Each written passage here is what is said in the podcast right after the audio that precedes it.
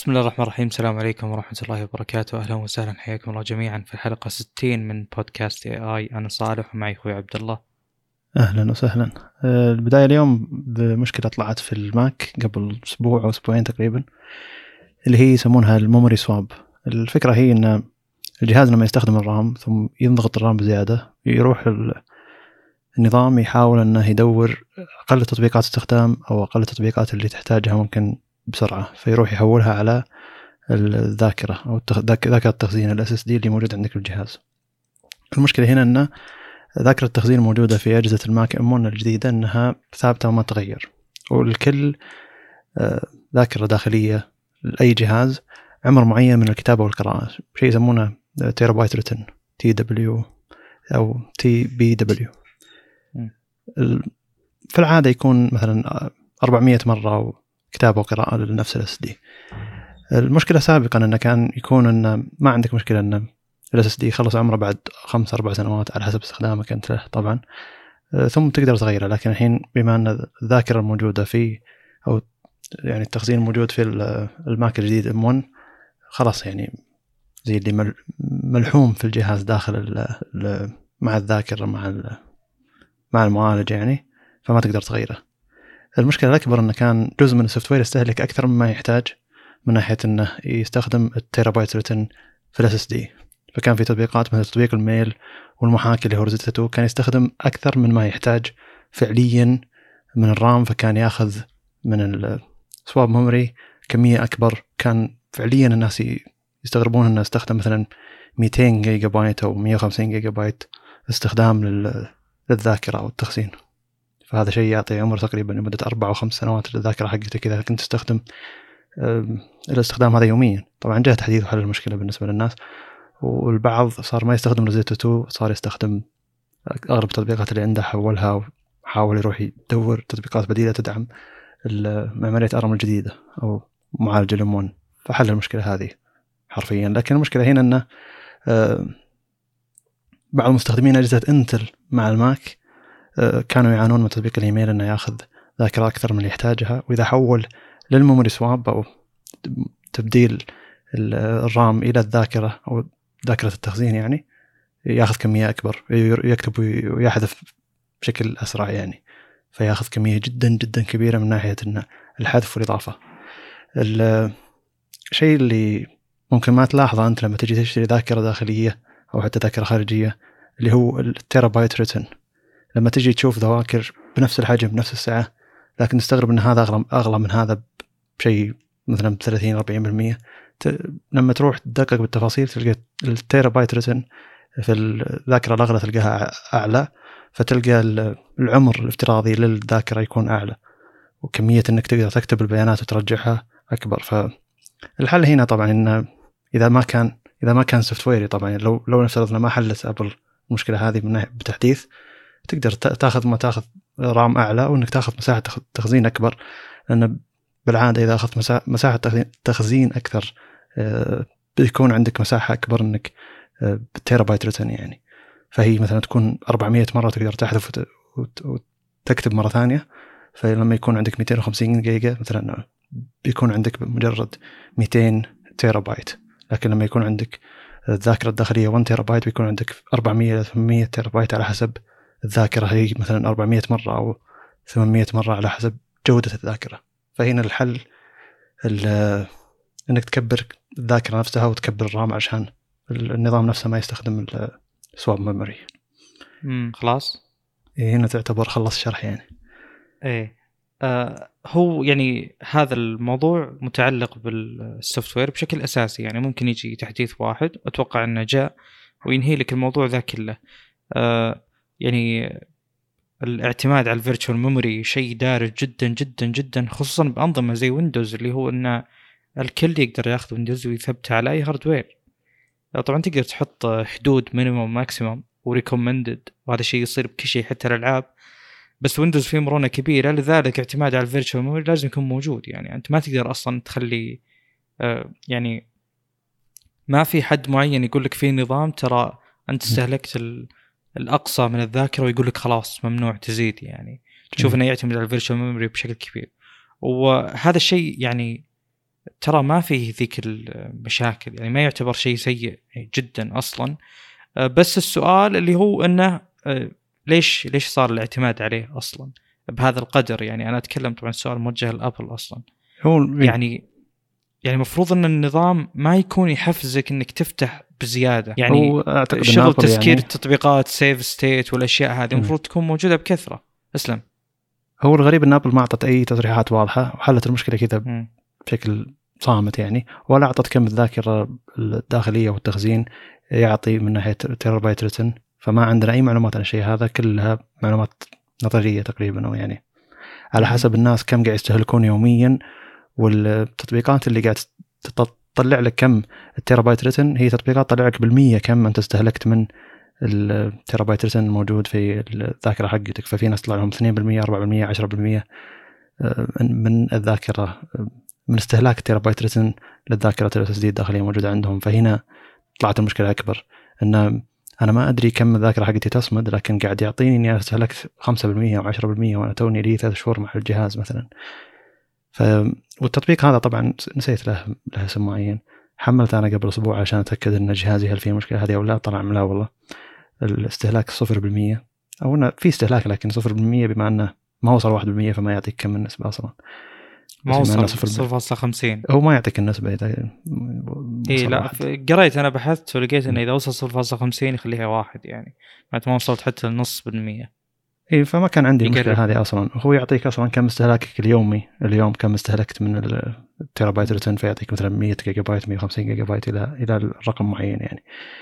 فأنا كنت خايف على جهازي يعني. قلت أنا الحين وخاصة إني ماخذ 100 256 لأن عندي SSD خارجي تقريبا 512 أو يعني وإذا بغيت أستخدم الميديا في العاده أستخدم ذاكرة خارجية ما أستخدم الذاكره الداخلية للميديا مع إن هذا بيكون شيء أسرع وأفضل خاصة برامج المونتاج وذي إنها تستخدم SSD أسرع. لكن ما تعتبر بالنسبة لي مشكلة عاليه آه، ردة فعل أبل تعتبر غريبة لكنهم إنهم صلحوا الشيء ذا يعتبر شيء ممتاز. الناس كانوا خايفين وبعض الناس صرحوا تصريحات إن الجهاز هذا ما راح يص- يصمد لمده سنتين ثم الذاكرة حقته بتنتهي وخلاص ما راح تقدر تستخدمه لأنه خلاص بيكون ما في ذاكرة داخلية وما في مساحة لل terabytes written. لكن ما كملوا الناس إلى 4 5% شركات صارت تحديث وحلت المشكلة هذه. والمشكلة إنه هذا ال software يأثر على ال hardware الداخلي لل- للذاكرة. فأنت لما يكون است- استهلك 5% من ال- ال terabytes written ما تقدر ترجعها ب software. أنت خلاص استهلكت المساحه ذي يعني. فالناس كانوا في غضب إن أنا الحين مشكلة سوفتويرية استهلكت الذاكرة حقتي بزيادة فالمفروض إن ابل عندها ضمان أو شيء يرجع لي الذاكرة هذه ويغير لي إياها الداخلية أو يعطوني جهاز جديد. بيكون استخدامي فيه طبيعي. خاصة في ناس مثلا اللي كملت معهم المشكلة مده شهرين ثلاثة ولا حدث ولا حسب المشكلة وما حدث الجهاز في ناس وصلوا إلى 15% 20% من استهلاك ال terabytes written فشيء مزعج. وأظن ان لو راح أكلمهم وكذا بي ممكن يراعون المشكلة ويحلون مشكلته يعني. ك يعني خدمة عملاء ابل تعتبر ممتازة من هالناحيه لكن هي ما تكلمت أي شيء حتى في التحديث اللي حدثوه وحلوا حلوا المشكلة فيه. ما قالوا ان حلوا المشكلة فيه. مجرد ناس حدثوا وقالوا اكتشفوا إن المشكلة راحت. وفي أظن التفضيل إنه يستخدم الذاكره تستخدم ال swap memory يعني إنه لأن ال SSD الموجود جدا سريع وقريب جدا م. من الذاكرة فأظن سهل صح. استخدام ال ال ال SSD ك virtual memory يعني. لكن يعني آه. آه، معلومات وبحث جيد بالنسبة لي كانت يعني إنه تعال وش صاير بالضبط هنا أنا كنت أعرف إنه في شيء يسمى virtual memory لكن terabytes written هذه ما سمعت فيها بشكل كبير وحاولت أبحث عنها وليش الشركات ما تصرح فيها ولازم تبحث بشكل دقيق عشان تلقى الرقم المعين لذاكرتك اللي أنت شاريها لكن الشركات اللي تبيع مجرد SSD مثلا سامسونج أو أي شركة تبيع بس SSD أنت تشتريه بتلقى المعلومة موجودة. طبعا إيه. وفي أصلا يعني SSDs يسمونهم commercial use اللي هو استخدام تجاري بالسيرفرات وغيره. في شيء استخدام الشخصي. هو يعني ما أدري موضوع إن أبل والله ترجع تغير الجهاز لشخص أو شيء من هذا القبيل ما أشوف انه منطقي ابدا يعني. هو الجهاز لأن- على الضمان و... وهالشيء ما راح يخرب قبل ما يخلص الضمان. ابدا. يعني. وجهه نظر ابل لكن وجهه نظر المستخدم بيقول أنا استهلكت شيء من ال hardware اللي عندي بمشكلة من عندكم يعني طب استهلكته هل خرب هو؟ خلاص خلص يعني. فالمفروض بيخلي العمر الجهاز آه، أقصر فالمفروض إنها تنحل يعني. طيب الجهاز عليه ضمان. فمو. منطقي يعني الكلام في كل الأحوال. هي مشكلة صح بس أنت ما يعني ما يحق لك تطالب بشيء وهو فعليا يشتغل يعني. حتى الرقم هذا اللي يقول لك 1% مدري وشو مو شرط إنه رقم حقيقي يعني.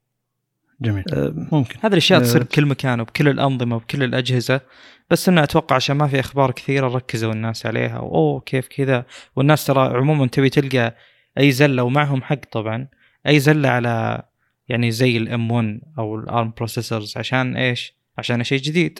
لازم يخضع للاختبار القاسي عشان يتجاوز يعني. طيب الموضوع اللي بعده. آه في خبر بخصوص آه المساعدات الصوتية. آه إحنا تكلمنا عن ال HomePod Mini قبل فترة وقبله طبعا هو في ال HomePod الأساسي.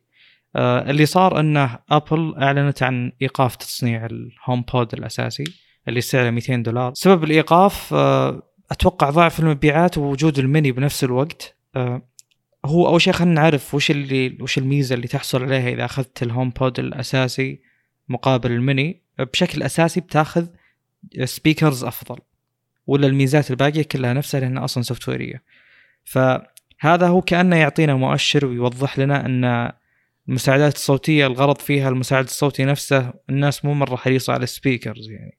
يعني أنت يوم تبحث عن سماعة معينة تبحث بمواصفات السماعة بس يوم تبحث عن ميزة معينة فموضوع السماعه موضوع ثانوي الأصل.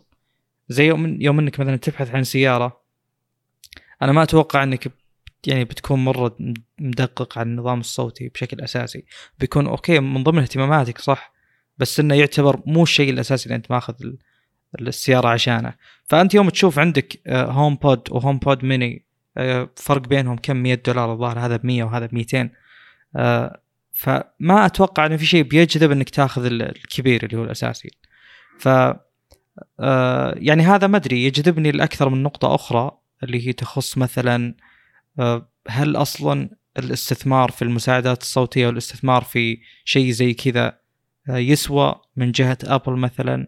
هل إيقافه كان لمثلا ضعف مبيعات الحالة بس ولا عشان مثلا صار في بديل فعادي توقف مثلا النسخة الأخرى هذه اللي هي الهوم بود الاساسي وأيضا مواضيع أخرى زي مثلا الآيفون 12 ميني إنها توقف يعني الآن بحسب الأخبار بشكل كامل يعني إنه خلاص ما عاد في احتياج له وإن الموجود أصلا بالسوق يكفي. فما أدري والله. يعني هذه الأخبار هي اللي تخليك تقول إن ما في شركة والله بوجهة نظرها أو توجهها صحيح 100% هذا الشيء يحصل مع جوجل كثير اللي هو التنازل عن تقنيات التنازل عن منتجات نزلت للسوق إيقاف أمور معينة. بس مع أبل اللي عارف أنه يحصل بشكل أقل بشكل كبير يعني. ما أدري احس بناء على عدم مجازفة. يعني أبل ما هي من الشركات اللي أكثر مجازفة تعتبر. وشيء ثاني إنه معليش بس أتوقع إنه يعني سيري ما ما في أي مقارنة بينها وبين ليش أنا قلت ال hot word على قولتهم إنه يمكن فعلت كم جهاز الحين. المساعد مساعد أبل الصوتي ما يقارن نهائيا بأمازون إيكو أو بمساعد جوجل الصوتي. فحتى لو أنت الحين جيت وقلت لي أنا بقدم لك speaker محترم عليه مساعد مساعد مساعد أبل الصوتي ما هو شيء مغري وحتى لو جيت الناس تقول ecosystem حلو. واذا جيت قلت لي في يعني معالج speaker أقل يعني أيضا مع معالج أبل الصوتي أو مساعد أبل الصوتي ما أعتقد إنه مغري أكثر من امازون ايكو أو مساعد جوجل الصوتي. خاصة إنه خلاص الأسعار واحدة فالحين التفضيل مجرد إنه هل المساعد الصوتي ذا أفضل من هذا؟ فما أعتقد إنه مساعد أبل الصوتي مغري بالنسبة للمساعدات الصوتية الباقية الموجودة بالسوق. صحيح. ابدا. يعني حتى الناس اللي يستخدمون أجهزة ابل ما قاعد يستخدمون مع مساعد شو اسمه مساعد أبل الصوتي قاعد يستخدمون مساعد جوجل الصوتي بشكل مباشر بما إنه تقدر تفعله بالآيفون يعني. ف للناس اللي يستخدمون المساعدات الصوتيه عموما. بس إنه يعني هو ما هو شيء مغري ك speaker وما هو شيء مغري إنه مساعد أبل الصوتي موجود ما مو ما حد يستخدمه لكن المنافسة قوية جدا مقابل إنك أنت تقدر تجيب لي speaker بنفس السعر أو أغلب السعر. مقابل أقول لك الباقي اللي قاعد تجيب الشيء ذا. اللي لقيته إن كل اللي ماخذينه عشان ال ecosystem فقط يقول لك والله بسرعة يسوي له sync ومدري وشو مو عشانه والله سيري زين ولا إلى آخره. إي بس نفس الفكرة. عندك امازون إيكو كثير من الأجهزة والتطبيقات يجيك يقول لك مدعوم مع أجهزة امازون إيكو مدعوم مع أجهزة امازون عشان الصوت. آه عشان الصوت. عشان, عشان يشبكه مع أشياء ثانية. إي إضاءات وغيره. اي فتلقى. أعتقد إنه يعني الأجهزة المدعومة من خارج الشركة الأمازون إيكو أكثر من الأجهزة المدعومة من داخل الشركة مع سيري يعني أو. مساعد أبل الصوتي مم. ف ما أدري أحس إن أمازون متفوقة هنا بشكل كبير من ناحية ال... يعني smart homes من ناحية التحكم بالأشياء اللي حولك من كثر الأجهزة المدعومة وخاصة خاصة الأجهزة اللي تنباع داخل أمازون تلقى أصلا موجود عندها إنها كذا يكتبون معها انه مدعوم من خلال أمازون مساعد أمازون الصوتي أو أمازون إيكو. آه غير أجهزة جوجل جوجل نفس الفكرة. نفس أظن API مفتوح إنك تقدر تضيف أي شيء موجود. عندك المساعد جوجل الصوتي إنك تعطيه أوامر إنه يفتح أو يسكر أو أي شيء. لكن ما أعتقد إن أبل عندها المساحة هذه إنها تدعم أجهزة خارج ال- ال ecosystem حقها. نعم. مع ان ما لنا تجربة هنا عموما آه، ما هو شيء جدا مدعوم من ناحية smart homes يعني. ننتقل للموضوع اللي بعده. نعم. آه، طيب أحب المواضيع اللي يكون فيها قصة وتاريخ نوعا ما. آه، فيسبوك بداياتها كانت عندها كانت تعتبر موقع تواصل اجتماعي وكان فيسبوك موجود قبل لا تو... قبل لا يطيحون الناس أو قبل لا يتحول استخدام الناس للموبايل كاستخدام أساسي ك لدخول الإنترنت. فكانت فيسبوك ما كان عندها تطبيق ما كان عندها أي واجهة للموبايل أصلا. كان مجرد موقع تواصل اجتماعي. كان داخل موقع التواصل الاجتماعي هذا ألعاب وتطبيقات يعني فيسبوك دعمت التطبيقات الثانية والشركات الثانية إنها تسوي ألعاب عندها عشان يلعبون الناس مع بعض داخل مجتمع فيسبوك وكانت تاخذ منهم نسبة على حسب التحميلات على حسب المدفوعات داخل داخل فيسبوك يعني. ف يوم جت ابل أو يوم يعني اخترع اخترعت التطبيقات وال App Store وذي الشغلات أه، بدأ الناس يقولون ليش فيسبوك ما عندها تطبيق أو ليش ليش ما أقدر أدخل فيسبوك من ناحية الموبايل أو عن طريق الموبايل بشكل أفضل. فيسبوك بذيك اللحظة حولت أو بدأت تعلم المبرمجين اللي عندها اللي هم متعودين على برمجة الويب إلى برمجة ال- الموبايل. فسووا لهم تطبيق وسووا لهم تطبيق تطبيق الفيسبوك. صار داخله الألعاب التطبيقات اللي تقدر آه، تلعبها وتحملها داخل فيسبوك. هنا Apple قالت لا ما تقدر تسوي شيء ذا.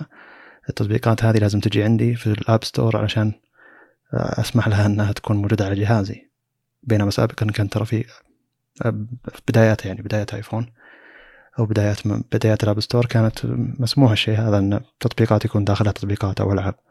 ف Apple وضعت قانون قالت لا التطبيقات هذه ما توجد. فصارت راحت التطبيقات هي كلها عند Apple. فزي اللي Apple أخذت النسبة أو الفلوس اللي كانت الناس تدفعها ذي أو التطبيقات ذي تدفعها الفيسبوك صارت تدفعها ل Apple بشكل مباشر. فزي اللي أخذت جزء من ال business حق فيسبوك فعليا يعني وبشكل مباشر يعني. فمن هنا بدأ زي اللي صراع بين Apple وفيسبوك من ناحية إنه من ناحية قانونية هي. اولا هل هذا الشيء يضرني؟ هل هذا الشيء مسموح؟ هل هذا الشيء يضرني؟ هل هذا الشيء مسموح؟ والحين بدأت في مثلا دخلت فيه أكثر من شركة ثانية اللي هي ما أدري Spotify و Epic Games مثلا اللي هو ال- المشاكل اللي بينهم حاليا. ف يعني تاريخ ممتد يعتبر ما يعتبر شيء جديد. إن الصراعات بين الشركات من ناحية إنه أنا أملك ال platform هذا أنا أملكه وأنا سويته وأنا نشرته بين الناس هل يحق لي إني أسيطر عليه من ناحية وش يتكون وش يكون فيه ولا لا؟ المفروض إنه يكون فيه حرية للناس إنهم يحطون الأشياء اللي يحتاجونها. أه، فالحين يعني بتحديث iOS 14.5 صار في خيار إنه هل تسمح للتطبيق الفلاني إنه يتبع أه، نشاطك ال- اللي على ال website يعني؟ ويقول لك من يعني فيس يعني Apple نوعا ما محترمة من هالناحية إنها كاتبة انه أه، هل تسمح يعني حرفيا كذا الخيار اللي يجيك أول ما تفتح تطبيق فيسبوك يقول هل- تسمح لفيسبوك إنه يتتبع نشاطك ال- اللي على الإنترنت؟ من مزايا إنه يتبع نشاطك اللي على الإنترنت إنه يكون الدعايات اللي راح تجيك بتكون أكثر شخصنه أو يعني بشخصية لك بالذات يعني. آه، مخصصة نوعا ما. وشيء والميزة الثانية أنها بتدعم البزنس اللي يحتاج إنه يوصلك علشان انت تشتري محتوى يناسبك. بتقدر تقول إيه ما عندي مشكلة إنهم يتبعوني عشان يعطوني الدعايات اللي أحتاجها. تقدر تقول لا ما ما أحتاج الشيء هذا. فهذا الشيء بي حرفيا يعني بيلعب بال business حق فيسبوك الأساسي اللي هو بيع الاعلانات أو بيع البيانات. فزي اللي Apple لما بدت الشيء ذا سابقا يعني. يوم كان تحولت الدنيا إلى موبايل وشلون إنها فرضت قانون معين ثم أخذت ال business حق فيسبوك حاليا ال metadata هذه أو البيانات الموجودة من ناحية التتبع موجودة عند Apple لكن Apple للحين ما تستخدمها. فشلون Apple ما سمحت الفيسبوك تستخدمها؟ قد يكون انه ما باحد يستخدم البيانات هذه ممكن تكون الفرصة ل Apple أكثر إنها تستخدم البيانات هذه يكون ال business الصغيره أو يعني التجارات الصغيرة اللي كانت تستخدم دعايات فيسبوك بشكل مباشر اللي هي تعتبر نوعا ما رخيصة إنك تدفع الفيسبوك أو الإنستغرام عشان يطلعون إعلانك لفئة معينة من المجتمع المنطقة معينة من المجتمع. أه يكون أرخص عليك من إنك تروح تدفع المشهور مثلا معين. فهنا يكون في ضرر للشخص اللي يبي يسوي دعاية يعني. فقد يكون Apple إنها الحين قاعد تمنع فيسبوك علشان هي بتستخدم الطريقة هذه هي تعطي دعايات لل business هذه قد يكون يعني. لأن لها فترة طويلة فيسبوك ماخذة بياناتك أو ماخذة متبعة انت وين تروح علشان تعطيك الدعايات اللي انت تحتاجها. وزي اللي Apple ما كره لها ردة فعل. فردة الفعل هذه هل ينبني عليها أن Apple ممكن تستخدم البيانات هذه ال metadata الموجودة عندها ولا ممكن بس تحطها عندها موجودة؟ قد يكون Apple تتضرر مستقبلا من ناحية مالية علشان كذا بتحول إن عندها مجال إنها تستخدم البيانات هذه للإعلانات وتبني تبني مثلا تجارة مناهضة لتجارة فيسبوك فيسبوك طبعا يعني زي اللي في خوف من الخيار هذا إن الناس ما يضغطون إنهم يسمحون للشركات إنها تعطيهم الاعلانات تناسبهم. أه والله صراحة بهذه هذه الصراعات أنت ما تدري من اللي له اليد العليا. يعني أه يوم تشوف فيسبوك مثلا كفيسبوك الحالة مو كجروب يعني ما عندها شيء فعليا يعني. يعني حتى أصلا مستخدمين فيسبوك الآن أه اللي عرفه يعني أتكلم كمستخدمين فعليين وليس كأرقام. يعني أتكلم على مثلا المجتمع الأمريكي وكذا. التوجه الفيسبوك مو زي أول. أه لأسباب طبعا كثيرة. أه لكن القوة فيسبوك اللي قاعد يصير بواتساب وإنستغرام مثلا أو الاستحواذات اللي تصير هذه. فهل مثلا فيسبوك تقدر تفرض أه يعني زي الأشياء اللي صارت بخصوص المتاجر والضغط على أبل وكذا مثل ما أن أبل مثلا عندها نظام التشغيل سواء على الجوال ولا على الأجهزة المكتبية وعندها هذا الكم من الأجهزة ونظام تشغيلها كل شوي تزيد مبيعاتها وأرقامها كذا. ما أدري صراحة ما أدري وش عند فيسبوك اللي يخليها تظهر بالمظهر القوي هذا. ما أدري فعليا يعني هو مستفز الموضوع من ناحية انه ما في مكان موحد كذا open source مثلا زي ال open source communities اللي هو أنت عندك شيء يلا حطه مو مشكلة. وعادي حتى ذا ذا الشيء ال open source تكون في في منه نسخ مدفوعة زي كذا. تكون في منه مثلا يعني توفر لك هذه الخدمة ال open source بس على ال cloud وفي مصادر دخل متنوعة ال open source يعني. بس أقصد ذولا اللي مغلقين تماما آه يعني ما أدري كأنهم حاصرين انه جميع مثلا مدخولهم وأرباحهم تكون من هذا المكان. أنا أقصد إنه الآن إحنا ما في مكان مثلا يكون مفتوح للجميع. لا كل شيء مغلق. ال App Store حق الشركة الفلانية مغلق. فيسبوك يعني مو بس تبي هي مو قاعدة مثلا تحاول تخلي أبل تتجه إلى سوق مفتوح مثلا. لا هي تبي تفرض سوقها على أبل فهمت؟ اللي هو المدفوعات الداخلية عندهم كذا فولا واحد من الطرفين يعني أشوف إنه عادل في موقف هو الجيد إن الناس تكره الشركتين نوعا ما ف حلو. مو مشكلة أي ضررين يصيروا الشركتين يعني. مم. بس المكروه أكثر نوعا ما فيسبوك لأنه داخل بخصوصيات الناس أو معلومات الناس بينما ابل يعني ممكن مكروهه علشان نوعا ما الاحتكار والأسعار. اي هو فيسبوك مكروهة عشان هو ال business model حقهم الفلوس اللي يطلعونها أصلها اللي هو بيانات الناس. مو زي مثلا ابل تبيع لك جهاز فعليا فتربح من وراء الجهاز تبيع لك نظام التشغيل مثلا. يعني فيسبوك أنت الأصل إنه ما في هي ما تحتاج عشان تربح منك إنك تعطيها فلوس أصلا. فهذا الشيء مزعج نوعا ما يعني. لكن م. أتوقع إنه بيصير في تحديثات مستقبلا على الموضوع هذا أسلم. عاد في في كان تصريح لتيم كوك كان يعني يقول بملخص التصريح إنه إذا كان يعني التقنيه المفروض إنها ما ما تتدخل بمعلومات الشخص علشان تنجح يعني أنواع ال business اللي تعتمد على التقنية. من ناحية يعني تعتمد على التقنيات عشان تتبع خصوصيات الناس عشان تقدر تنجح. يقول هذه يعني أسلوب تجاري غير حكيم نوعا ما. ما أدري هو أسلوبه كان شوي مبهم لكن واضح إنه كان يقصد فيسبوك يعني. وكان يقول إن أي شركات تستخدم معلومات الناس عشان تطلع فلوس هذه المفروض إنها شركات ما تحترم المفروض إن الشركات هذه يعاد صياغة ال business حقها بالكامل. وإن إحنا إحنا المفروض نبيع التكنولوجيا للناس عشان تفيد الناس مو علشان تتتبع بياناتهم علشان تسوق لهم وتستخدم بياناتهم آه، كأسلوب بزنس معين. آه،. طبعا ما أدري. هو يتكلم عن إنه تاريخيا كان موجود ال- يعني الدعايات أو موجودة تاريخيا فليش الحين اعتمدت على إنه لازم يكون في آه، تدخل بخصوصيات الناس أو بيانات الناس علشان أقدر أعلن إعلان. بينما الإعلان كان موجود قبل والناس ما يدرون من يعلنون له. بينما الاعلان الموجه بالنسبة لي يكون أفضل. أنا شخصيا أنا أبي إعلانات موجهة لي ما أبي إعلانات الله بالخير. إذا كنت أبي إعلانات طبعا إذا كان شيء ما ما له مفر يعني. بينما الأصل انه في يعني إضافة إضافات على متصفحات ومشترك ب YouTube Premium فأي شيء يمنع الإعلانات موجود يعني مستخدمة.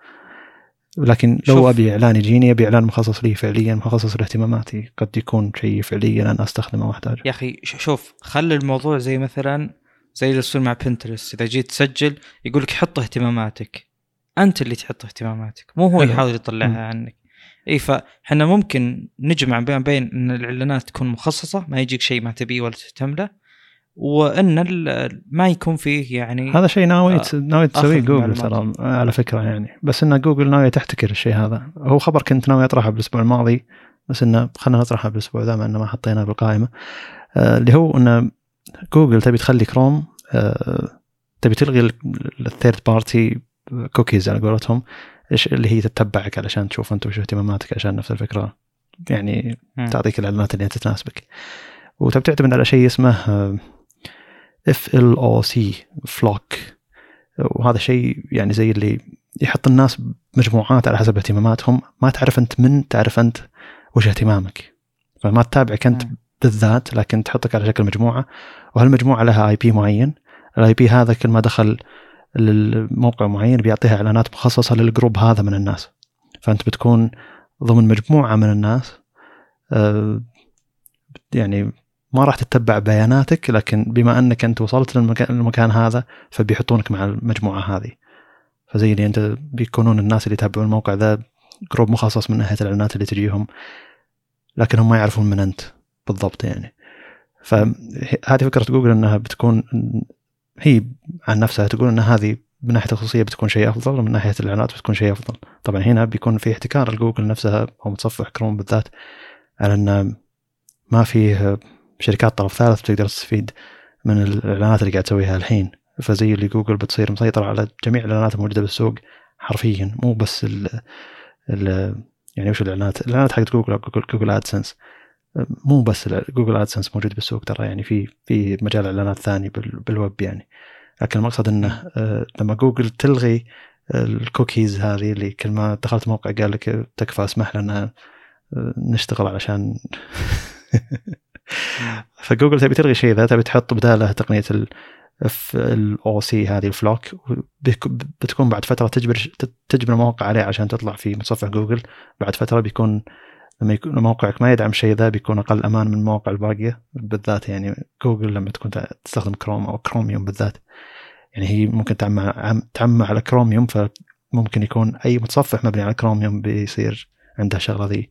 فهو زي اللي جوجل تقول أنا فاهمة مصلحتك بس من فهمها لمصلحتك بيكون ما في إلا هي تاخذ فلوس من الإعلانات اللي على الويب فيكون في احتكار قوي جدا لجوجل الفكرة والتقنية تعتبر جميلة والتطبيق حلو لكن إحنا شايفين أنتم وش وش تبون يا جوجل؟ وش وش هدفكم من الفكرة ذي يعني؟ فهنا ما أظن يعني أبل أو كذا بتمانع من الشغلة هذه إن أنت الحين ما قاعد تتبع الناس ما قاعد تتبع خصوصياتهم لكن آه، تضعهم في جروبات دام إنهم يسوون الشغلة ذي فيعتبر شيء نوعا ما جيد لكن نوعا ما انه وضع الهدف منه. طيب ننتقل اللي بعده اللي هو آه، إعلان قريب جدا اللي هو آه، من دي جي آي. نزلت عندهم كاميرا جديدة آه، درون جديد يعني اسمه FPV. جايب يعني بأفكار شوي مختلفة نوعا ما. أول شيء ال sensor وهو بالنسبة لي صراحة أهم شيء يعني مهما زادت المواصفات وال على قولتهم الراحة ال convenience بال بال drones الأهم هو يعني ال picture quality خلينا نقول. المستشعر 12 ميجا بكسل الزاويه 150 الايزو من 100 إلى 12800 هذه كلها طبعا أرقام عادية جدا. ال shutter من 50 إلى 8000 آه، طبعا يبدأ من 50 لأن الأصل بتصور فيديو يعني مو مو زي الاهتمام بموضوع الصور. الكاميرات غالبا تجيك تبدأ من يعني من shutter منخفض جدا جدا جدا بسبب الصور. آه، فيه شيء مبهر صراحة. أنا بحسب معرفتي بالدرونز إن ال... يعني السرعة غالبا تكون maximum 35 40 mile اللي هو تقريبا خلينا نقول 60 كيلو يعني آه، أو يمكن أكثر شوي. آه، الدرون هذا سرعته 87 mile. آه هذا المعلن في شخص ألماني جرب الدرون وجاب 93 mile. يعني تقريبا في تجربة ثانية بعد وصلت 120 mile. يا ويلي. يعني السرعه يعني أنا وأنا أشوف الفيديو حق الدرون أشوف سيارة تمشي بسرعة والدرون قاعد يسبق السيارة. فسريع جدا جدا. آه، وبتكلم عن ميزات يعني تساعد في يعني مثلا السرعة أكيد ينبني عليها مثلا تحديات ثبات وغيره. فهم حاطين كم شيء بنتكلم عنه الآن. اللي هو اسمه EIS electronic image stabilization في حاطين footage بدونه ومعاه ويبدو لي إنه قاعد يسوي شغل ممتاز خصوصا على سرعات عالية مثلا تكون في مطبات هوائية أو غيره. فهذا المفروض إنه يساعد ووجود هذه الأشياء فعلا ممتاز يعني. تصور 4K 60 frame 50 ميجا فقط. يعني واضح ال compression جدا قوي. تصور full HD 120 وهذا أتوقع سقف آه، من زمان واصلينه إلى الآن آه، ما تجاوزوه.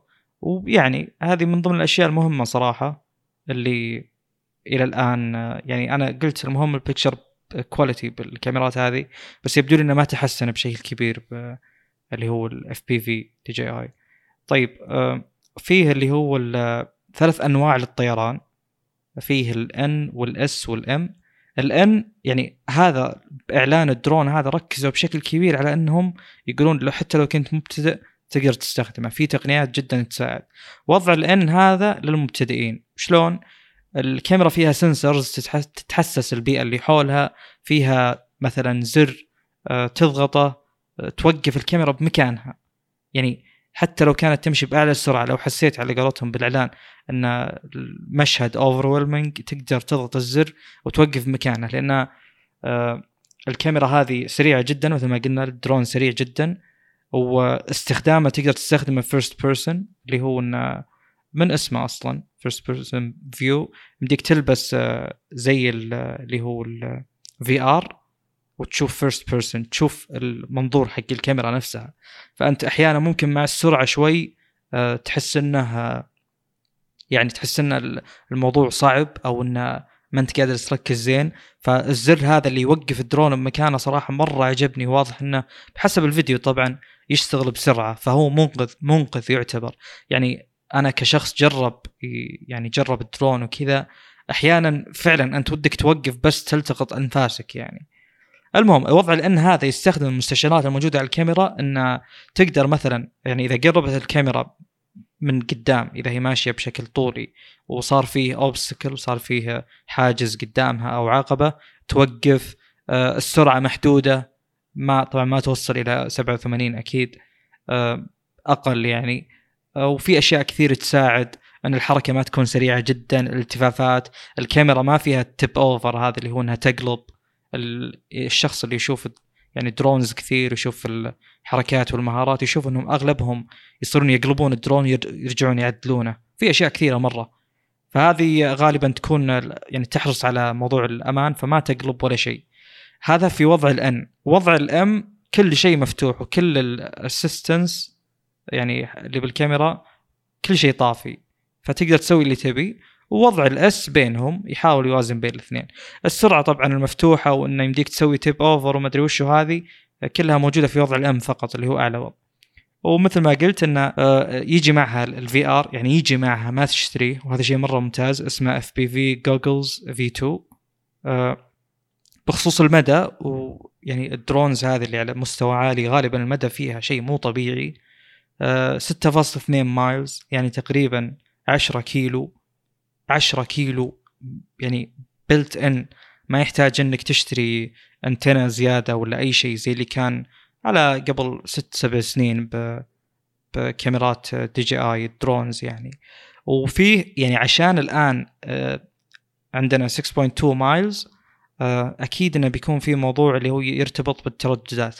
مثل ما تكلمنا قبل من زمان إن ال 5 جيجا هرتز وال 2.4 إن ال 5 جيجا هرتز أسرع يعني يعطي بيانات أكثر بس مدى أقل بسبب إن الموجة يعني آه، يعني طولها الموجي أعلى واقصر وكذا. هنا نفس الكلام. الكاميرا تنتقل بين 2.4 إلى تقريبا 5.8 آه، بشكل seamless بشكل أنت ما تحس فيه. كل ما بعدت تحاول تنزل. بالتردد كل ما قربت تعلى آه، وتحاول توفر لك آه، يعني اللي هو تقريبا على كلامهم 24 millisecond شيء زي كذا اللي هو الرؤية بال goggles V2 إنها ما تنقطع أو إنها تتأثر وكذا.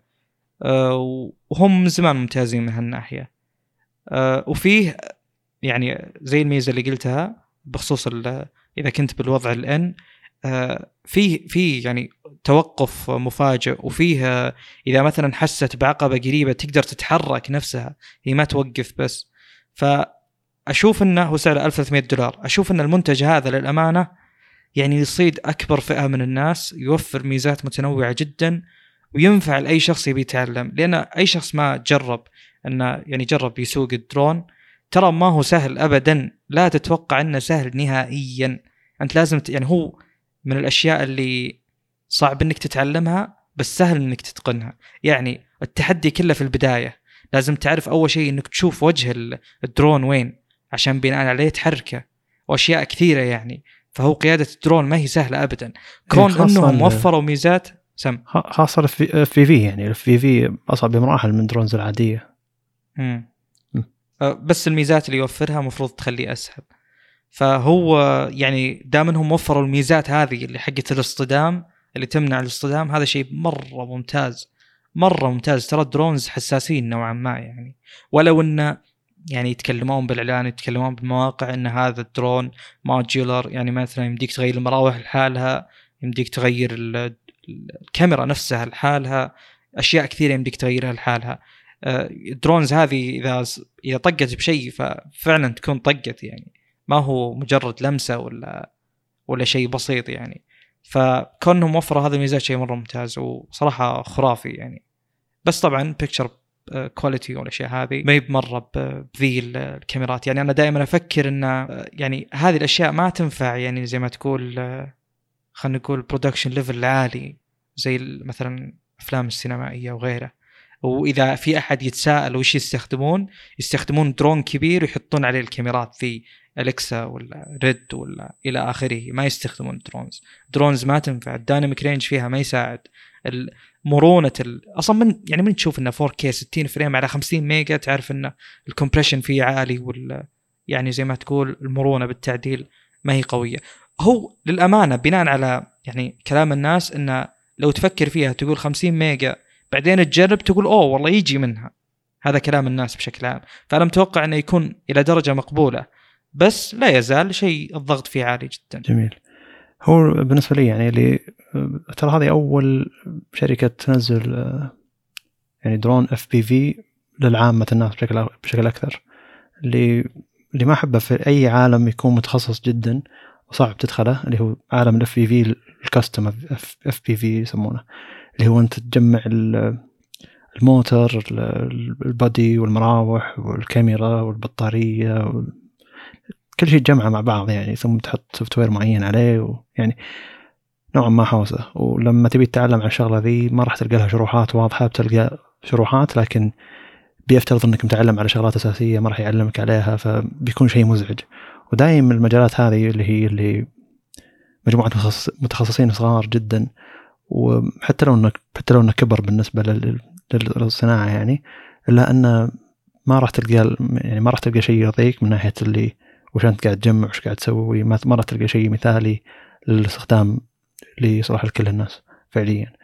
غير إنه لما تدخل المجال هذا ويكون في كل شركة متخصصة بشغلة في شركة متخصصة بالكاميرات في شركة متخصصة بالبطاريات شركة المراوح شركة البادي كل شركة بتحط سعر في بالها على إنك أنت إنسان قاعد تشتغل كمحترف وأنت قاعد تسوي كاستم ف بيكون السعر غالي جدا. ف 1300 دولار ترى بالنسبة للدرون هذا ك FPV ما يعتبر شيء. يعني كثير ناس لما يجون يحاولون يجمعون نفس التجميعة هذه أو نفس الجودة هذه والسرعة هذه بأي شيء FPV بيوصل المبلغ ذا. وما راح يلقى المزايا اللي قاعد تقدمها ال DJI اللي موجودة من ناحية إنه في أمان لك إنك ما راح تفقد الدرون هذا. بينما ال FPV ال custom الناس يسوونها ترى في غباء مو طبيعي. التحكم كامل لك هي ما ترجع ما تعرف شيء اسمه home فما ترجع له. إذا فق... إذا طلعت من المدى, المدى حقك على طول يطيح الدرون ما يعرف إنه طلع من المدى ويرجع. بينما DJI قاعد تستخدم خبرتها في مجال الدرونات العادية ودخلتها في ال FPV فزي اللي جمعت الحلو في في المجالين. غير إنها حطت لك وضع إنك تقدر تتعلم عليه وضع سهل ثم وضع أصعب ثم وضع كامل manual كامل. فجيد للناس المبتدئين وجيد للناس حتى اللي يعني ما يبي يفقد الدرون حقه يبي يدفع مبلغ ويبي يرتاح من ناحية إنه آه، الكاميرا ذي والدرون يتحمل والكاميرا ذي تعطيك بطارية كبير مساحتها كبيرة. ترى البطارية تعطيك تقريبا طيران لمدة نص ساعة بينما ال FPV اللي يكون custom ترى في العادة خمس إلى سبع دقائق والطبيعي 14 دقيقة أنا تجربة حقيقية. الطبيعي ثلاث 20 دقيقة المعلن جميل. أسلم. إي فشيء مو طبيعي. الناس يقولون يعني اني إني أطير مدة 10 دقائق في FPV ثم أرجع وباقي 50% شيء مو طبيعي.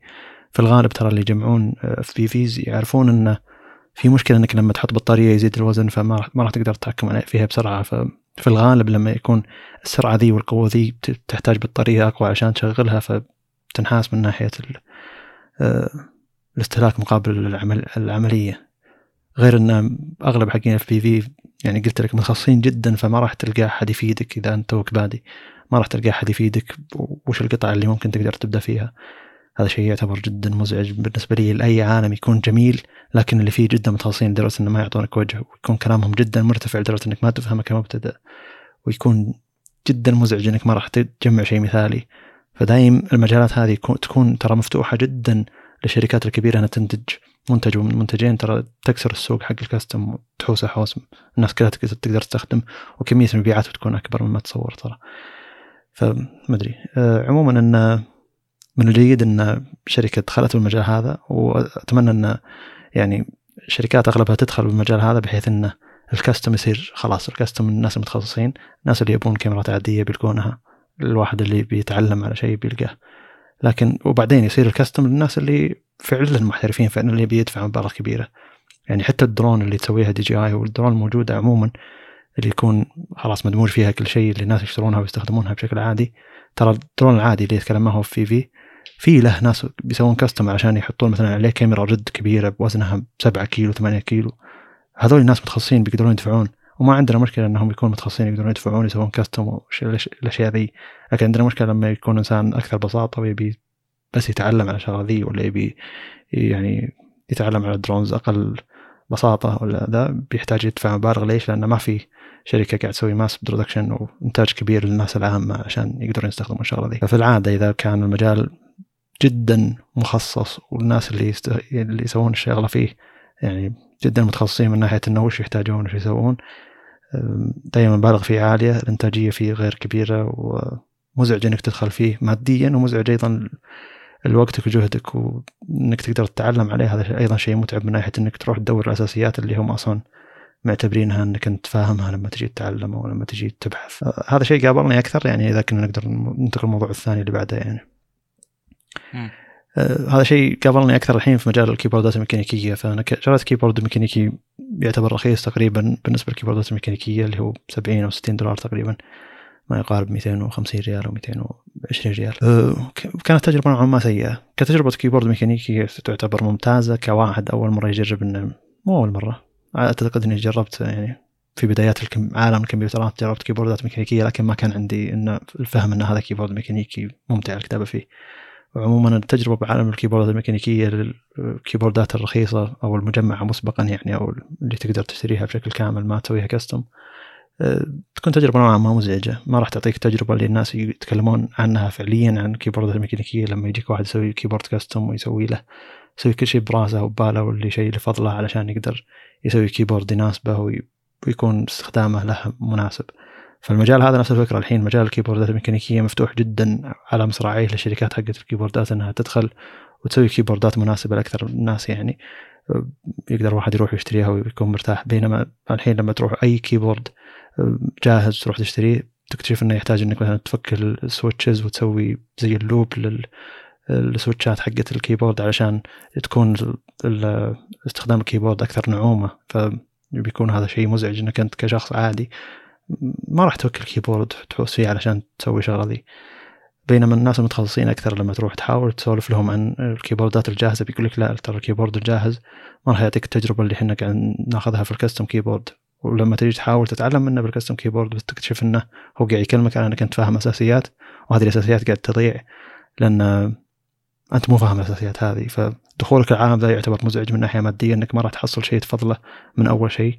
بتكتشف إنك أنت تفضل شيء الفلاني شيء الفلاني بعد أكثر من تجربة. فهذا شيء بيسهلك شيء ماديا يعني. شيء ثاني إنك أنت أول ما تدخل ما راح تفهم شيء. والناس أغلب اللي يتكلمون في المجال هذا بيكونون يتكلمون الناس فاهمين فما راح يعطيك وجه أنت كمبتدئ.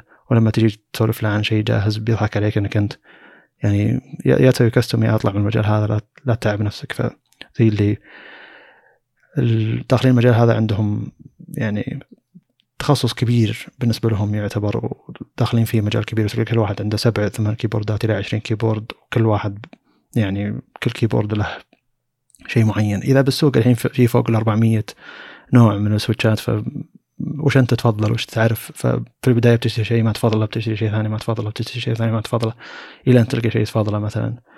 بينما المفروض إنه من الشركات اللي قاعد تدخل المجال هذا عشان تصنع كيبوردات هي في العادة إنها ثلاث أنواع سويتشات في العادة الناس تختلف بينهم اللي هو tactile وال وال linear وال clicky من ناحية سويتشات يعني.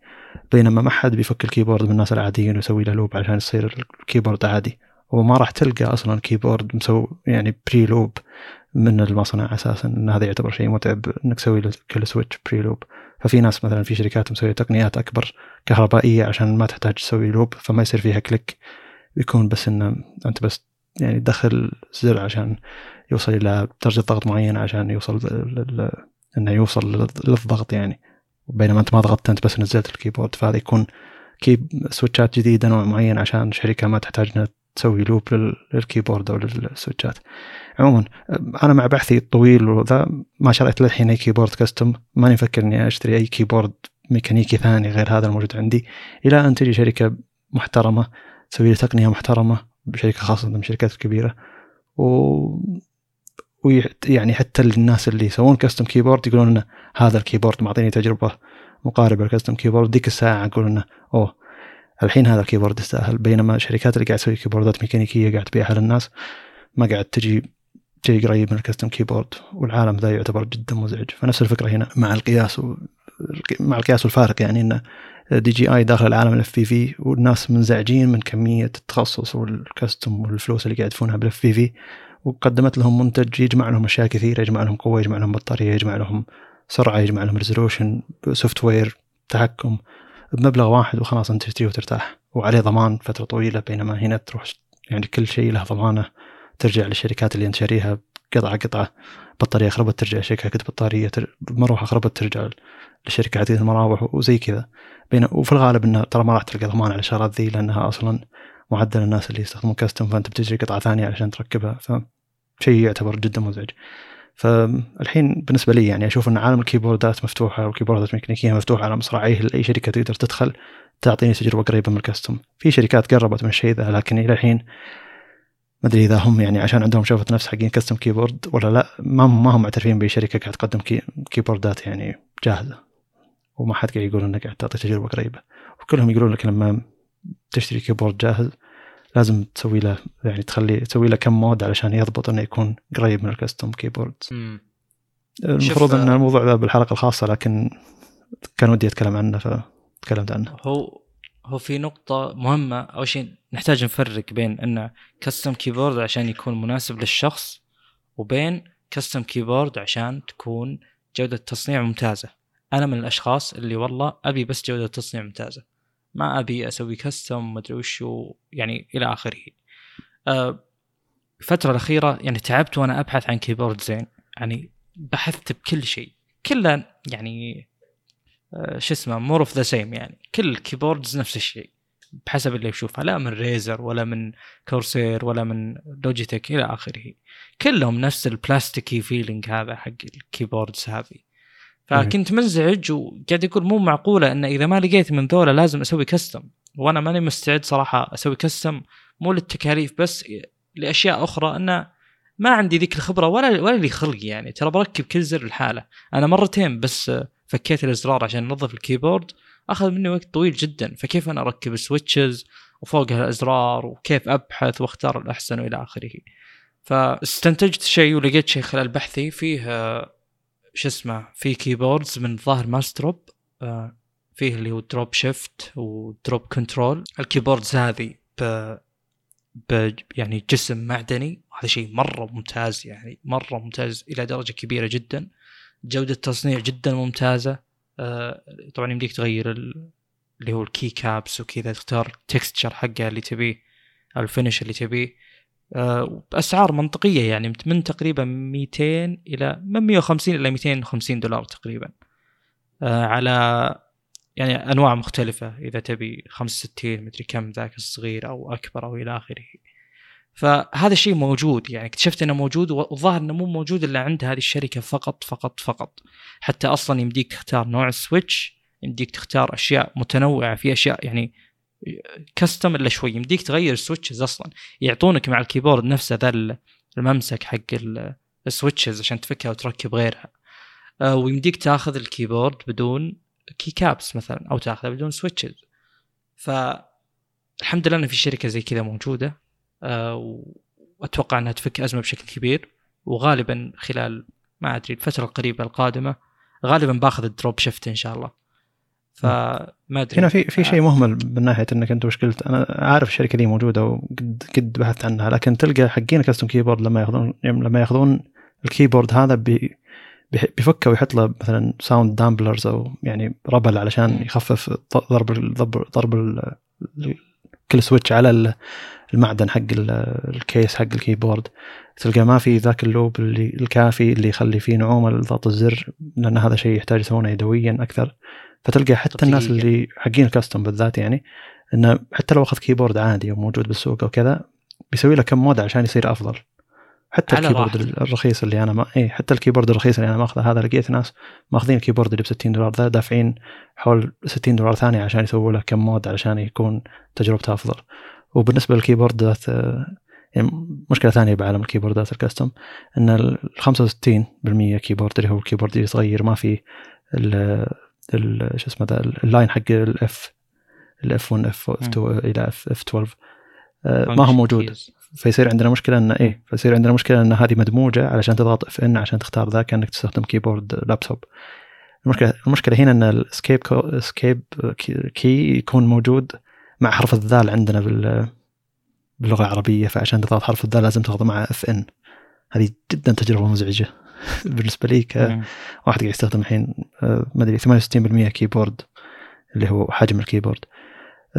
تجربة ممتعة الكتابة سريعة حلوة وكذا.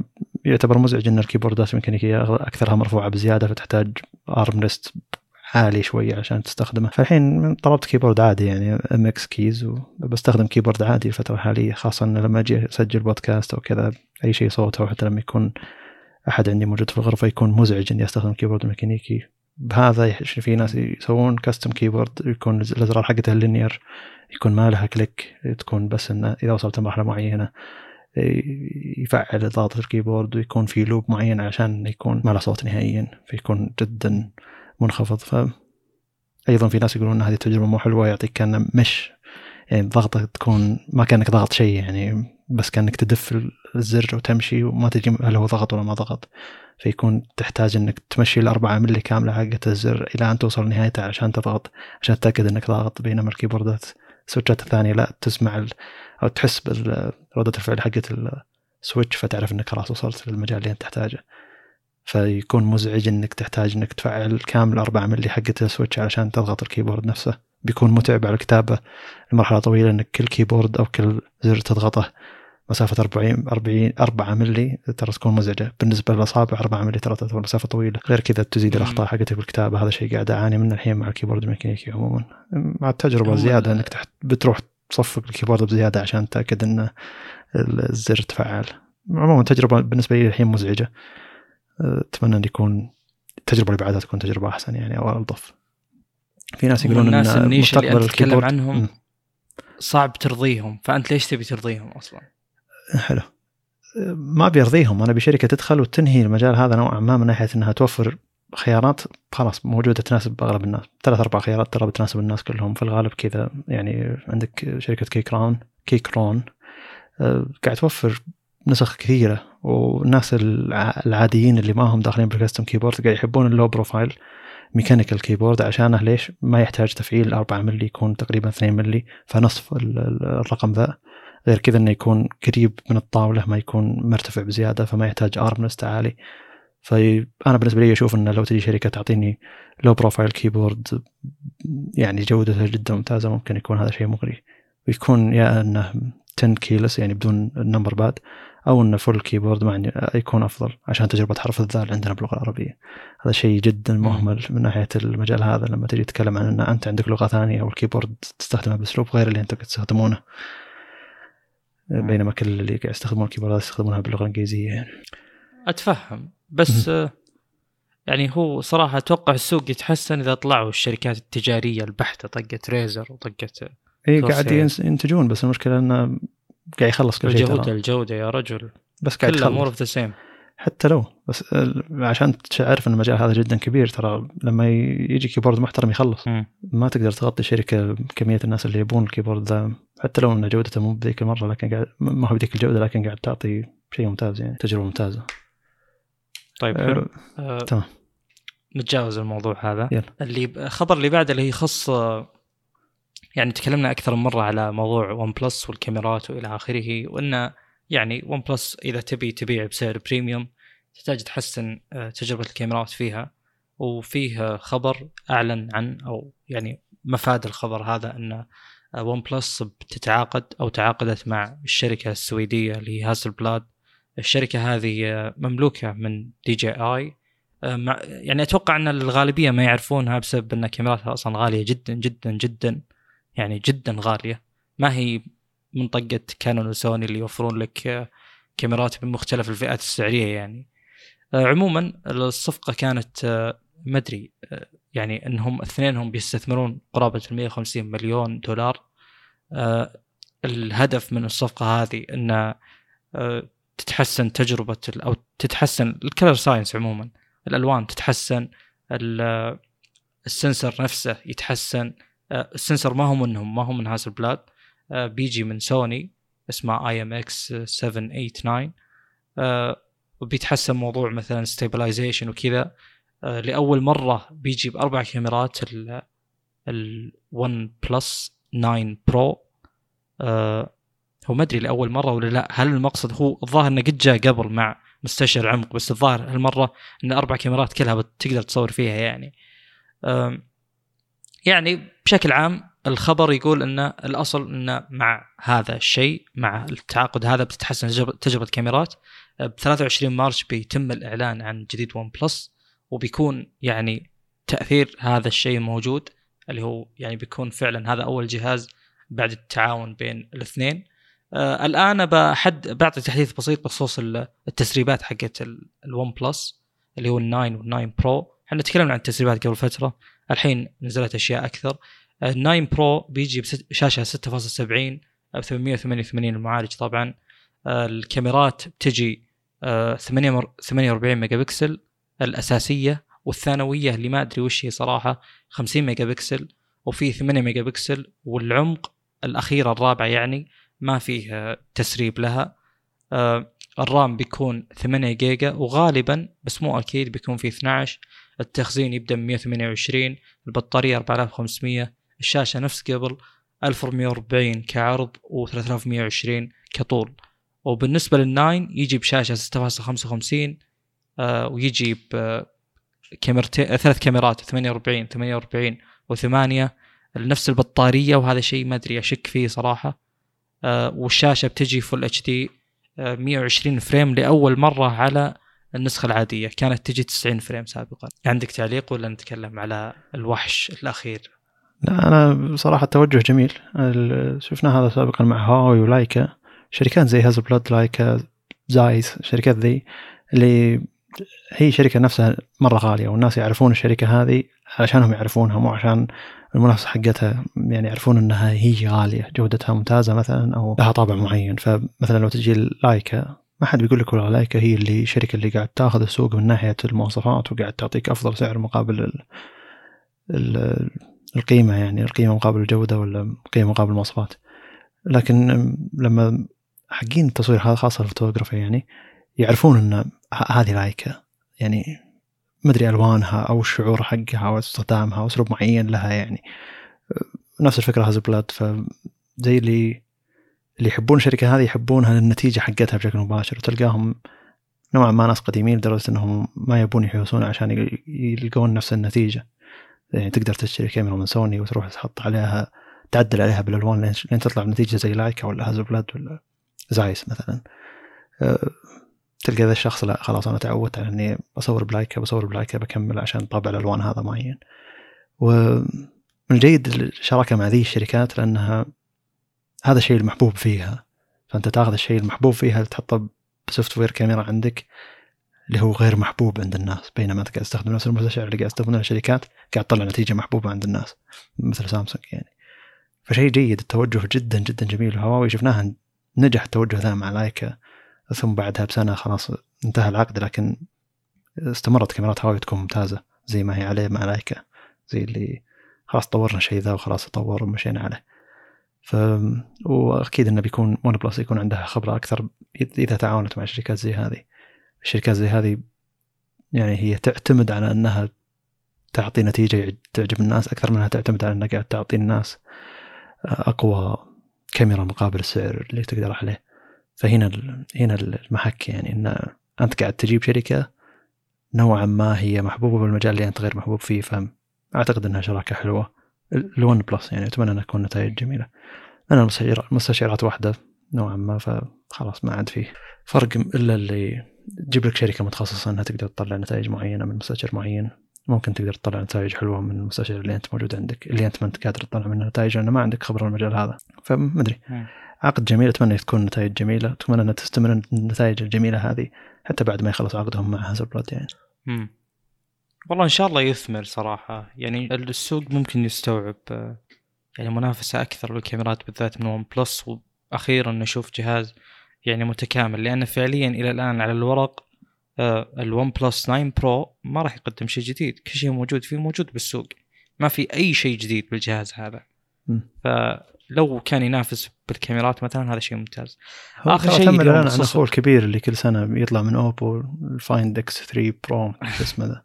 يعني ترى نفس الجهاز ذا غير شوي بشكله آه. سمى 9 Pro ونزله يعني. بالضبط يعني. السنة الماضية حرفيا هذا الشيء اللي صاير يعني.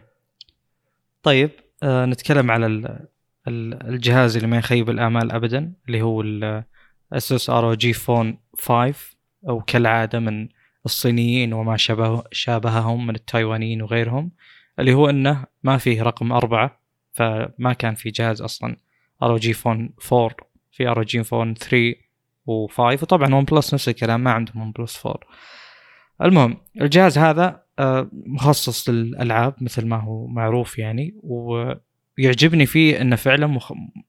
يعني متخصص بالألعاب آه، لأن السوق آه، في أجهزة كثيرة اعتيادية وتكون bland كذا ما تتف... يعني ما تركز على مجال معين فانه يعني كون إنه يكون في جهاز بالمواصفات هذه زي الجهاز هذا وال Black Shark آه، وأجهزة الألعاب عموما شيء مرة ممتاز ويعطي يعني استخدامات متنوعة أكثر ويفيد أصلا النظام نفسه بحيث إن النظام يتطور بالأماكن هذه أكثر لأن في hardware يدعم. انه يعني يتحسن الأداء مثلا بالألعاب يصير مثلا اللي هو منصة الألعاب تتحسن وإلى آخره. أه بتكلم على مواصفات يعني كل شيء بتكلم فيه مقارنة بالجهاز السابق اللي هو ROG Phone 3 أه الجهاز آه، صار أطول بشوي 172.8 مقابل 171 ملي.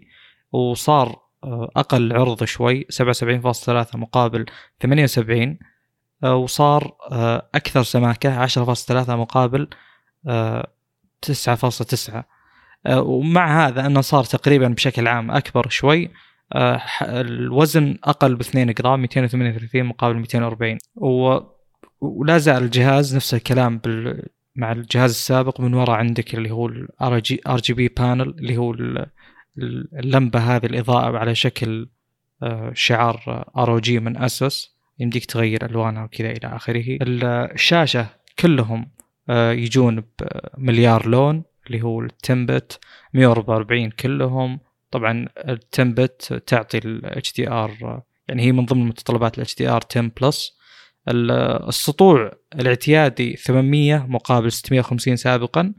وإلى ال peak 1200 السابق ما كان معلن لكن عموما شاشة الجهاز بحسب اللي أعرفه انها شوي مغسولة يعني ولا تركز على خلينا نقول جودة الألوان والأشياء هذه يعني تركز على أنها تكون باستجابة سريعة وبتردد عالي وإلى آخره. حجم الشاشة صار 6.78 مقابل 6.59 لكن الجهاز صار أنحف شوي فيمكن الحجم القطري هذا ما, ما هو صحيح أصلا. قطر الشاشة يعني ما يعطي مقياس دقيق. ال screen to body ratio 82 مقابل 79.9 الدليل أن ال aspect ratio تغير اللي هو ال resolution عندنا 1080 ب 2448 بالنسبة لل 5 و 1080 ب 2340 بالنسبة لل 3 فتقريبا 9 19 ونص على 9 آه، بالقديم وبالجديد 20 على 9 المعالج طبعا 888 مقابل 865 Plus وأكيد معاه الكرت الرسومي 660 مقابل 650 التخزين شوي اختلف واستغربت صراحة ما عاد فيه 512 لكن لا زال لا زالت الخيارات من 8 إلى 16 بالنسبة للرامات. عندك 128 على 8 و256 على 12 و256 على 16 السابق خياراته كثيرة جدا بس نفس الكلام. من 128 8 إلى 512 16 بس ما تقدر تاخذ 256 16 UFS 3.1 بالنسبة للكاميرات بشكل عام ما تغيرت. الأساسية نفسها 64 ميجا بكسل 1.8 26 ملي والثانية أيضا ال ultra wide نفسها 13 ميجا بكسل 2.4 11 ملي ما تغيرت. وال macro نفسها 5 ميجا بكسل 2.0 على الاثنين كلهم. ال codecs أو ال resolutions اللي يصور فيها الجهاز ال format في 8K 30 frame نفس السابق 4K 120 frame إلى آخره. بالنسبة للكاميرا الأمامية الظاهر إنهم صغروها شوي وبذلك تغيرت الفتحة فيها لكنها نفس ال resolution 24 ميجا بكسل 2.5 مقابل 2.0 27 ملي. أه الجهاز صار فيه jack 3.5 أه سابقا ما كان فيه على 3 الآن عندك jack 3.5 وعندك Type-C جانبي وعندك Type-C سفلي. فما في خيار ما هو متوفر فيه هذا الجهاز. معطيك كل شيء الآن. وطبعا فيه stereo speakers اللي يجي فيهم كل واحدة لها amplifier مستقل. تجربة الصوت حق الجهاز نفسه بحسب اللي شفته بشكل كبير إنها جدا ممتازة. الجهاز صار يجيب 5.2 بلوتوث مقابل 5.1 ال USB اللي هو الجانبي 3.1 آه، النقل فيه أفضل. الأساسي 2.0 على كل الجهازين طبعا. البصمة لا زالت تحت الشاشة وليست جانبية. البطارية لا زالت 6000 ملي امبير لكن الشحن تضاعف أو صار أكثر من الضعف حتى 65 واط يشحن السابق 30 واط. باقي المواصفات اللي هو مثلا Power Delivery 3.0 وال reverse charging 10 واط لا زالت نفسها. صار في Quick Charge 5 بدل 4 يعني تجدد من هالناحية. أه بخصوص السعر بحسب الموجود طبعا أسعاره ما هي دقيقة جدا بس يبدأ من 690 دولار آه، وهذا يعني بالنسبة ل 128 8 وهذا شيء ممتاز صراحة جدا. آه، كل ما رحت بالجهاز أعلى طبعا بيرتفع السعر بس أنا اللي أقصده إذا كان الفرق مقتصر على بس ال RAM وال ROM فهذا شيء جدا مرحب فيه. لأن السابق كان إذا أخذت أقل فئة ما يجي فيها التبريد القوي جدا هذا اللي معروف فيه أصلا ال ROG Phone أصلا. أه، جميل. توجه توجه حلو انه رايح يعني رايح الناس مخصصين أكثر بالألعاب وتحس إن ما هم خايفين انه يكون الجهاز هذا ما هو مناسب للكل يعني. يعني هم مستهدفين فئة وقاعد يستهدفون الفئه ذي أكثر وأكثر واقوى واقوى لدرجة إنه يكون انه هذا الجهاز ما يناسب الناس العاديين. يعني إذا أنت ما تلعب فهذا الجهاز ما يناسبك. هذا شيء ممتاز. أنا يعني أجزم لك إنه في بدايات عالم السيارات عموما يعني بما إن السيارات عالم كبير الحين بداية عالم السيارات إنه كان في سيارات تمشي بالشوارع وما في ذيك الفئات يعني. ثم بدأت تطلع الفئات بدأت تطلع فئات سيارات sport بدأت تطلع سيارات ال off-road بدأت تطلع سيارات الصغيرة تطلع ال SUV تطلع يعني supercar. يعني المجالات توسعت جدا في السيارات لدرجة انه في سيارة تناسب فلان ما تناسب فلان في سيارة تناسب فلان ما تناسب فلان. ولكل سيارة فئة من الناس يحتاجونها ويستخدمونها وتبيع. وهذا شيء يعتبر جدا ممتاز. عالم الجوالات المفروض يصير فيه شيء زي كذا إن الفئة المتوسطة في ناس يحتاجونها ويستخدمونها وتصلح لهم ما ما يصلح لهم الفئة العالية. في ناس يحتاجون الفئة العالية ما يصلح لهم الفئة الصغيرة أو الضعيفة. ونفس الفكرة. في ناس يصلح لهم جهاز الألعاب في ناس لا. لما ياخذ جهاز الألعاب يعتبر ثقيل عليه بيعتبر فيه مزايا كثيرة ما ما يستخدمها. الجهاز بيعتبر شكله بالنسبة له هو مثلا غريب ومره جيمر على قولتهم يعني مخصص جدا للألعاب يعني. تصميمه كذا يصرخ اني أنا جهاز ألعاب. ما, ما يكون تصميم جهاز عادي. فيوضح اهتمامك بالألعاب لما تشتري الجهاز هذا. فأنا يعتبر توجه جيد. بينما في ناس كثير يقولون إنه من بيشتري الجهاز هذا بس اللاعبين المفروض إنكم توسعتوا أكثر بالمجال وقدرتوا تحطون المواصفات هذه على جهاز آه، أكثر عمومية وكاجوال يعني على قولتهم. آه، بنفس المواصفات على حول السعر وبتكسرون السوق. لا أنا جاي أعرف أنا من موجه له وأعرف المواصفات اللي أحطها مناسبة لمين. ف خلاص أنا بتوجه للناس ذولي ويعجبوني الناس ذولي وتوجه لهم بشكل جدا ممتاز وعاجبني التوجه هذا. بينما ما راح أسوي جهاز مقابل بالاستوني 1 الترا جدا مقارب له وبالمواصفات وكل شيء وما له الإضافات هذيك وما له يعني التخصص اللي هو فيه. بينافس جهاز جدا قوي بالسوق ومنو بيشتري جهاز أسوس محترم مقابل جهاز S20 Ultra مثلا خاصة إذا تقاربت الأسعار ولا إذا كان تصوير ال S20 Ultra أفضل خاصة الناس هذوليك يبون تصوير. بينما الناس اللي يبون يلعبون بالجهاز أكثر ما أنهم يصورون ما تلقى أحد يسأل عن كاميرا ال ROG 5 ممتازة ولا لا. كل من بيشتري الجهاز يقول لك كيف الجهاز هذا بالألعاب؟ هو فعلا موجه للاعبين فأنت الحين ما قاعد تنافس. شركة يعني ثانية متفوقة بمجال أنت ما تقدر تتفوق فيه عليهم. وتفوقت بمجال ثاني أنت ما حد يقدر ينافسك فيه فهذا شيء يعتبر جيد. وتعجبني الشركات اللي تشوف الشيء اللي هي متفوقه فيه وتستغله أكثر وأكثر. ما تحاول بس إنها يعني تروح تشوف الناس وش يحتاجون وتعطيهم إياه ولا مقابل إنها قاعدة تنافس بمجال هي ما تقدر عليه. فتوجه مرة عجبني. وكل ما صار الجهاز هذا موجه أكثر للاعبين وفي أزرار عجيبة وألوان غريبة وإضافات يعني محترمة وعملية فعلا وحصرية للجهاز نفسه. تحس إنه إي صحيح عليكم أنتم موجهين الناس. هذول الناس بيحبون الشغله ذي وما عليكم من غيركم ما عليكم الناس اللي يقولون إن إحنا نبي كاميرا محترمة نبي جهاز نوعا ما تصميمه كذا بلين يعني ما في أي شيء ولا تصميم ممل بالنسبة للاعبين يعني. فتوجه حلو. صح. والجهاز ذا يسيطر بشكل كبير يعني كمواصفات مقابل قيمة ترى. يعني حتى لو إنك أنت ما تهتم بالكاميرا وتبي جهاز مواصفات مقابل قيمة ترى هذا الجهاز أيضا ينافس. حتى لو إنك أنت ما أنت مهتم بالألعاب. يعني حتى لو إذا جو الناس ذول يقولون الكلام هذا. أه وفعلا مثل ما قلنا النقطة الأساسية السوق يستوعب يستوعب هذه الأشياء يحتاج هذه الأشياء. كل الأجهزة صايره متجهة للعموم يعني إنها تكون قوية من جميع النواحي. أنا أتوقع مثل ما قلنا سابقا يعني إن أندرويد ممكن يتوسع إلى انه يعني يشغل هذه الأماكن اللي هو أماكن الألعاب إلى آخره، جهاز مخصص تصوير، كاميرا بس عليها أندرويد وإلى آخره. من التجارب الجميلة اللي شفتها للجهاز ذا أصلا واحد أخذ أخذ أخذه وحطه بوضع فعلي أنه قاعد يلعب على الجهاز مدة ساعة وكل ربع ساعة من الساعة هذه يدخل تطبيق البنش مارك ويسوي تجربة للجهاز. وقارن بين بين الجهاز هذا مع المبرد حقه الإضافة اللي تجي بالكرتون أساسا يعني المفروض ما أدري عاد إذا كانت تجيب الكرتون المبيع الجهاز بيع ولا تقدر لازم تشتري معه. عموما إنه آه، استخدم المبرد الموجود مع الجهاز. ال S20 Ultra بعد ساعة نقص تقريبا 10% من ادائها أو أكثر بعد مقابل الحرارة اللي قاعد ينتجها المعالج والنسخة Snapdragon ما هي نسخة عادية. بينما الجهاز مع المبرد حق ال ROG 5 ترى يعني كانت التجربة الثالثة أقوى من التجربة الأولى والتجربة الرابعة مقاربة جدا منهم والجهاز ما قاعد يحتر وقاعد يثبت الأداء فأنت قاعد تلعب لمدة ساعة. المعالج ما قاعد يعاني من حرارة والأداء واحد فهذا يعتبر شيء ممتاز وأتقنوا هذا المجال اللي هم فيه يعني. واللعبة هذه موجودة مو تقولوا والله مجرد تجربة يعني ولا أنت قاعد قاعد تدخل benchmark وقاعد تحرق يعني المعالج وال GPU. فلا هذه تجربة فعلية. الرجال قاعد يلعب ثم يعطي تجربة يلعب ثم يعطي تجربة. ما قاعد تجارب ورا بعض كلها قاعد تستهلك ال GPU على أقصى طاقته. لا قاعد يعطيه طاقته ال- العادية اللي هي موجودة على لعبة موجودة. فكانت تجربة جميلة. أنا بالنسبة لي أفضل من التجارب اللي يسوي مثلا عشر benchmark ات ورا بعض.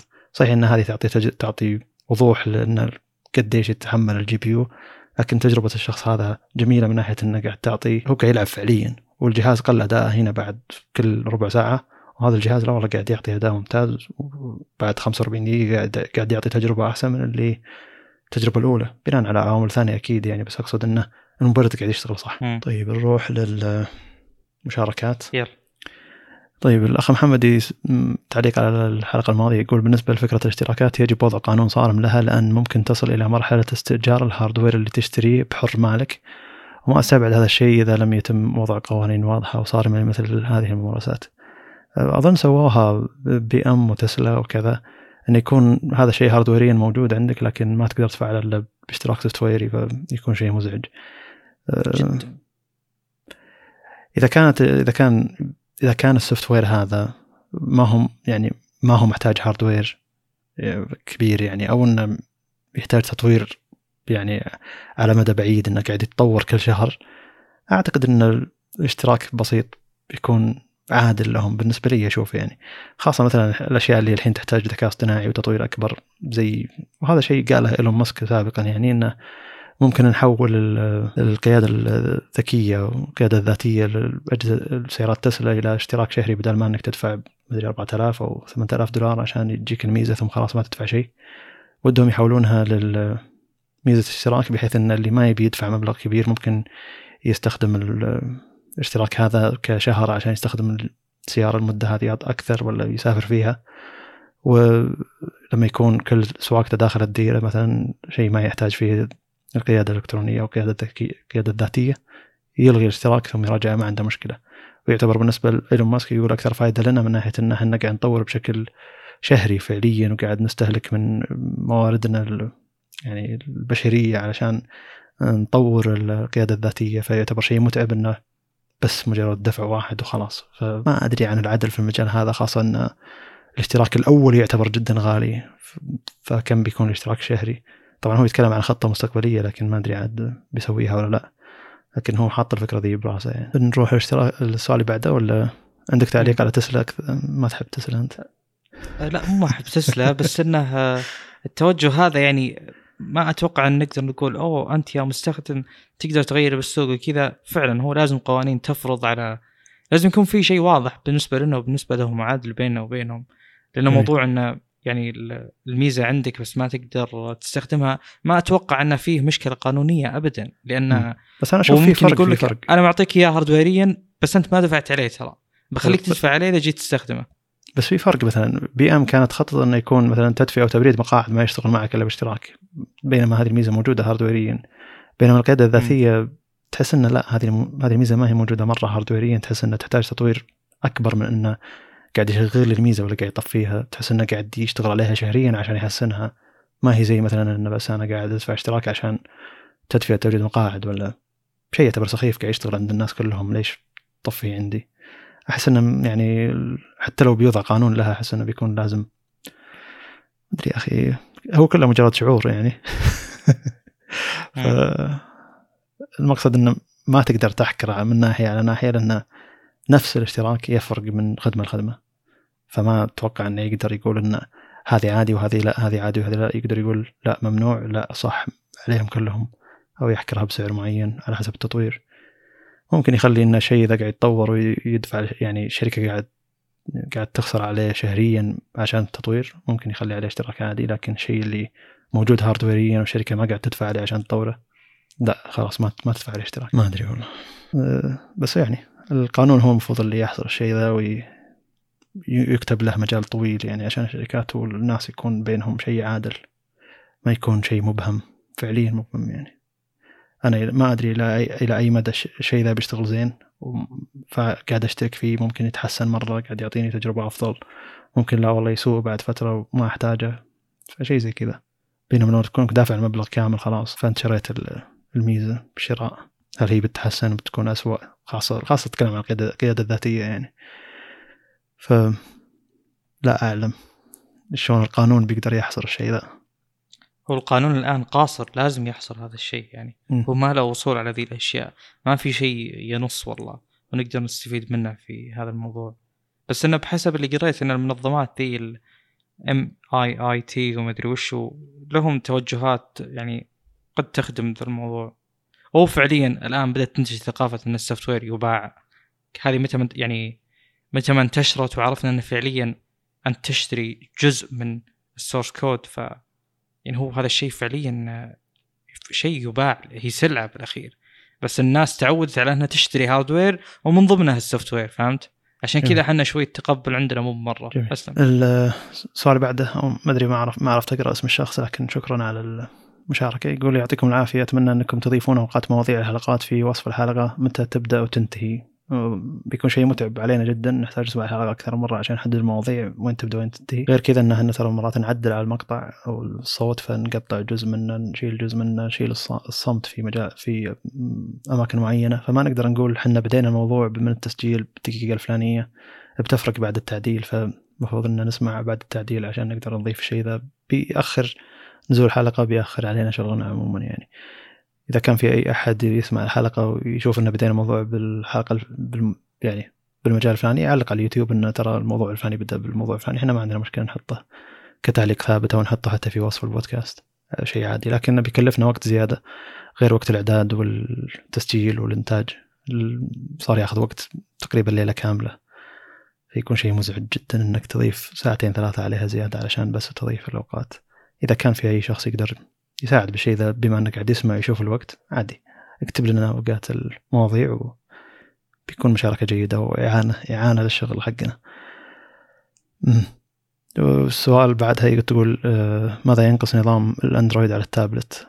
آه، ما أدري انت عندك تجربة للتابلت ولا لا؟ الا عندي آه اللي ينقصه هو اول شيء يعني لازم نحدد إحنا وش الاستخدام يعني مثلا ما نقدر نقول والله يعني كشخص مثلا خلينا نقول مطور مثلا يحتاج وصول ال hardware بشكل مباشر يشغل virtual machines إلى آخره. يعني هذه الأشياء غير قابلة للتحقيق في الوقت الحالي. بيجيني شخص يقول ألا يمديك تسوي كذا وكذا و root ما أدري وشو اي إحنا نتكلم بالوضع الطبيعي بالوضع الاعتيادي توفير ودعم هذا الشيء بشكل عام. فهذا الشيء غير ممكن. أما الشخص والله يستخدم لمجرد تصفح و Office وكذا هذا شيء ممكن. ولا ينقص أندرويد شيء من هذه الناحية. وفي بعض الشركات زي سامسونج مثلا توفر لك إنك يمديك تستخدم مثلا DeX أو إلى آخره وتكمل التجربة زيادة وزيادة بعد. فالسؤال نوعا ما في في جزء من العموم يعني في صفة عموم كذا إن ما نقدر نحصر جميع استخدامات المستخدمين في هذا الإطار. بخصوص أمور مثلا مجاهدة المتابعة إلى آخره يوتيوب غيره تحميل أشياء معينة. أيضا هذا الشيء مدعوم بشكل مو ممتاز مرة بس إنه يعني قابل للاستخدام. فبخصوص النقطة الأخيرة اللي أو أول شيء ذكرته أنا بالبداية أن الاستخدام اللي أعلى من المستخدم العادي استخدام المطورين مثلا أو إلى آخره من المستخدمين ذولا يعني. ما أدري وش أسميهم بشكل عام. هذا الشيء ما أتوقع أنه قابل للتحقيق حتى في المستقبل القريب أبدا يعني. إذا يعني مثلا الام 1 قاعد يواجه مشاكل من هالناحية فأكيد وبلا أدنى شك أن أندرويد بيواجه مشاكل أكثر وأكثر وأكثر. موضوع صعب يعني. على اندرويد جدا صعب في الوقت الحالي. ولا ولا هو طموح أصلا إنه يدعم. ما هو طموح أصلا. ما هو هدف يعني حالي. جميل. بالنسبة لتجربتي الشخصية كتجربة مستخدم يعني أقل أقل يعني تجربة تعتبر بسيطة. أنا استخدامي في الغالب تصفح. لكن التجربة تكون مزعجة جدا من ناحية أول شيء بعض التطبيقات ما تقبل وضع الافقي تقبل العمودي بس. فلما أشغلها وأنا الجهاز بالوضع الافقي تشغل الوضع العمودي اجبارا. فهذه زي تطبيقات ما هي مهيئة لوضع التابلت الأفقي وليس العمودي. هذا هذا شيء مزعج رقم واحد. شيء ثاني إن تطبيقات ما تستغل مساحة الشاشة بشكل ممتاز فقاعد أشغل تطبيق مثل تويتر ولا غيره ما قاعد يوزع لي الشاشة كأكثر من استخدام. قاعد يفتح لي إياها كأني قاعد يفتح لي التغريدات وقاعد يفتح لي واجهة تويتر. كأني قاعد أستخدمها بجوال فكأني مكبر الأيقونات وحاط كل شيء أكبر من اللي هو عليه وحاطه ك على شاشة 10 إنش فتجربة جدا مزعجة تعتبر. بينما لو يخصصون واجهة معينة للتابلت واجزم لك انه على الآيباد موجود الشيء ذا. فبس يعني يروحون ياخذون ذي الواجهة ويحطونها على أجهزة التابلت. أندرويد بتكون تجربة أفضل وأفضل. طبعا هذه على تويتر وذا لكن الشيء ذا ينطبق على تطبيقات كثيرة مرة. بينما تطبيقات يعني تطبيقات بالذات تطبيقات جوجل تطبيقات سامسونج جدا جدا ممتازه على التابلت اليوتيوب تطبيق الجيميل. شيء محترم جدا لما تحاول تغير تحط التطبيق الجيميل نص الشاشة يتغير علشان ياخذ المساحة هذه اللي تعتبر أصغر مساحة اللي كان ماخذها لما توسع إلى الشاشه كاملة ياخذ مساحة أفضل ويوزع الأشياء اللي تحتاجها ما يشغله كأنه كأنك مشغل نفس التطبيق على الفون وحاط مكبر كل الأيقونات ومكبر كل شيء. تعتبر تجربة متعبة. فهنا يعتمد الشيء ذا على المطورين على الشخص يعني على نفس التطبيق هل هو مهتم بكمية الناس اللي قاعد تستخدم الأندرويد تابلت ولا لا. وبما أن مستخدمين الأندرويد تابلت يعتبرون عدد قليل بالنسبة للمستخدمين ككل فأتوقع يعني ما في اهتمام من شركات إنها تسوي تطبيق محترم. بينما مثلا الشركات المحترمة مثل تليجرام مثلا قاعد تعطيني تجربة محترمة جدا كأني قاعد أستخدم التليجرام على PC كامل يعني كذا من كمية المساحة اللي قاعد يستغلها في التابلت. ونفس الفكرة إذا صغرت واخذت نص الشاشة يتغير أسلوب التطبيق إلى كأنه تطبيق موبايل يفرق يتغير معي يعني. فشيء محترم إنه مقدرين ان لما تعطيني مساحة أكبر المفروض أستغلها بشيء اشياء ثانية ما أعطيك بس مجرد إني أكبر كل شيء موجود. بالواجهة السابقة فهذه تجربة مستخدم سيئة جدا. واغلب الناس يستخدمون ايباد يعرفون أن هذا شيء سيء بالأندرويد بينما في الآيباد يفرق معهم فعليا انهم يستخدمون التطبيقات في الغالب يكون مهيئة للآيباد. فيعتبر شيء جيد هنا لكن ما هو شيء جيد هنا. وهذا أكثر أكبر انتقاد يعتبر. حتى الناس اللي يستخدمون الآيباد ما يستخدمون أندرويد تابلت بيقول لك إن هذا أكبر انتقاد غير كمية التطبيقات الموجودة للآيباد مخصصة وكذا. أه. طيب موضوع الموضوع اللي بعده السؤال اللي بعده يكون ما هو سؤال ثنائي يعتبر. شكرا جزيلا على هذا البرنامج أكثر من رائع أمتعتونا وأصبح الشخص ينتظر نزول البرنامج أو نزوله. اكرر شكري لكم. ينتظر نزول الحلقة كل أسبوع شكرا. انتظارك إن شاء الله ما تأخر عليك بعد. جدا شكرا. الأخ عزام هذا أكثر من مشاركة له عبر السنة الماضية يعني أو عبر الحلقات اللي قبلها. الأخ صالح اللي ما هو صالح أنت صالح ثاني يقول السلام عليكم توقعاتكم من نظام هارموني خاصة مع تسريبات إطلاقه على ال P50 وهل يتفوق على أندرويد وكيف سيكون انتشاره على الهواتف الذكية أه، أظن تكلمنا عن الموضوع هذا قبل أربع خمس حلقات وطرحناه كم مرة جدا. لكن ما هي مشكلة إنك تقدر تعيد وجهه النظر بشكل سريع إذا تبي ترد عليه أه ما تكلمنا عنه بشكل مفصل وقلنا إنه بيكون متقارب جدا مع آه اندرويد وإن التحدي الأساسي بيكون على التوفر في اللي هو اب جاليري حقهم وإن النظام الأصل إنه بينجح لأنه ما أصلا ما في طريق إلا إنه ينجح يعني ما في وسيلة أخرى لهواوي. لكن هذا الشيء قد ياخذ وقت يعني وأتوقع ردة فعل العامه ولو إني لا زلت أشوف تفاهة موضوع خدمات جوجل يعني بالمقارنة بكلام الناس طبعا هو يعتبر أمر عادي يعني لا هو تافه ولا هو صعب على هواوي. الناس لا زالت يعني تشوف انه في تحدي وكذا وانه كيف بدون Google Maps وكيف بدون جيميل في خبر قريته قبل فترة ترى. أصلا. إيه. أحد مواقع التصفح أحد مواقع البحث الصينية توسعت إلى خارج الصين وصار عدد مستخدمينها خارج الصين 10 مليون منهم 4 مليون في, في, في أوروبا. مستخدمين يوميين للبحث هذا يعني. شيء يعتبر غريب. وأنا قاعد أضحك أقول إن هذول صينيين طالعين برا الصين برا الصين قاعد يستخدمون متصفح البحث ذا باللغة الصينية ولا هل المتصفح ذا فعلا موجود له لغات ثانية يدعم إنه يبحث في أكثر من مجال؟ هل هو نسخة ثانية من جوجل قاعد ياخذ نفس بيانات جوجل ينسخها على مكان ثاني؟ يعني كمية المستخدمين غير معقولة بالنسبة لمتصفح بحث أو كذا أو يعني موقع بحث طلع من برا الصين وخلال مدري كم شهر جاه 10 مليون مستخدم خارج الصين هل هم مجرد مستخدمين قاعد يجربون مصفح البحث ذا وموقع البحث ذا ولا وش وكان الخبر غريب يعني أنا قاعد أقرأه ومبتسم إنه والله ممكن بعض الخدمات الصينية اللي تكون داخل الصين تكون أكثر جودة من الخدمات اللي خارج الصين تكون تجربتها ممتازة وتختلف وممكن تعطينا تجربة ممتازة وتختلف. أنا أحس إن العالم ذاك ودي أستكشفه أكثر ودي أشوف إنه وش ال software اللي هم وصلوا له هناك؟ إحنا يمكن ما وصلنا له في مجال مثل الشركات اللي واصلوا لها هنا في في العالم الخارج الصين يعتبر. شكرا لكم في نهاية الحلقة ذي وموضوع ترى آه، هارموني إحنا أيضا مترقبين له شلون بيشتغل شلون بيكون, له مجازفة. وهذا جزء من الترقب التقني الجيد إنك أنت تشوف وتعيش الواقع إنه يكون شيء ذا. وترى هذا من الشيء الجميل اللي يعني تحول Apple إلى عمليه ARM.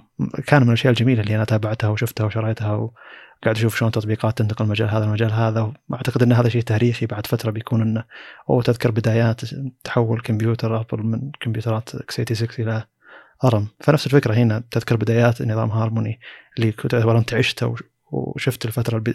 فترة البداية له. نفس الفكرة الناس اللي عاشوا بداية الأجهزة الذكية وكيف إن التطبيقات بدأت وكيف إن الانظمه تطورت كيف الأجهزة الذكيه تطورت. أه، تعتبر يعتبر شيء جيد وخبرة للإنسان التقني اللي يتابع أن يكون هذا شيء موجود عنده بالذاكرة يكون أه، يقدر يبني عليه تصور أكبر في المستقبل. كمية البيانات اللي يقدر يحصلها بذاك الوقت غير الشخص اللي ما كان يتابع بذاك الوقت. فمتابعتك كشخص تقني للتقنية أول في أو بأول مو بس عشان الشغف. صدقني تقدر تبني وجهة نظر أكبر مستقبليا مستقبلا يعني وحتى مو بس من ناحية hardware حتى من ناحية software من ناحية شلون الأشياء هذه تشتغل. وعموما الشغف يعتبر جيد. وحنا البودكاست كله ذا أصلا مبني على آه، شغف التقنية يعني. فشكرا لكم لمتابعتكم شغفين التقنية يعني. السلام عليكم. توفيق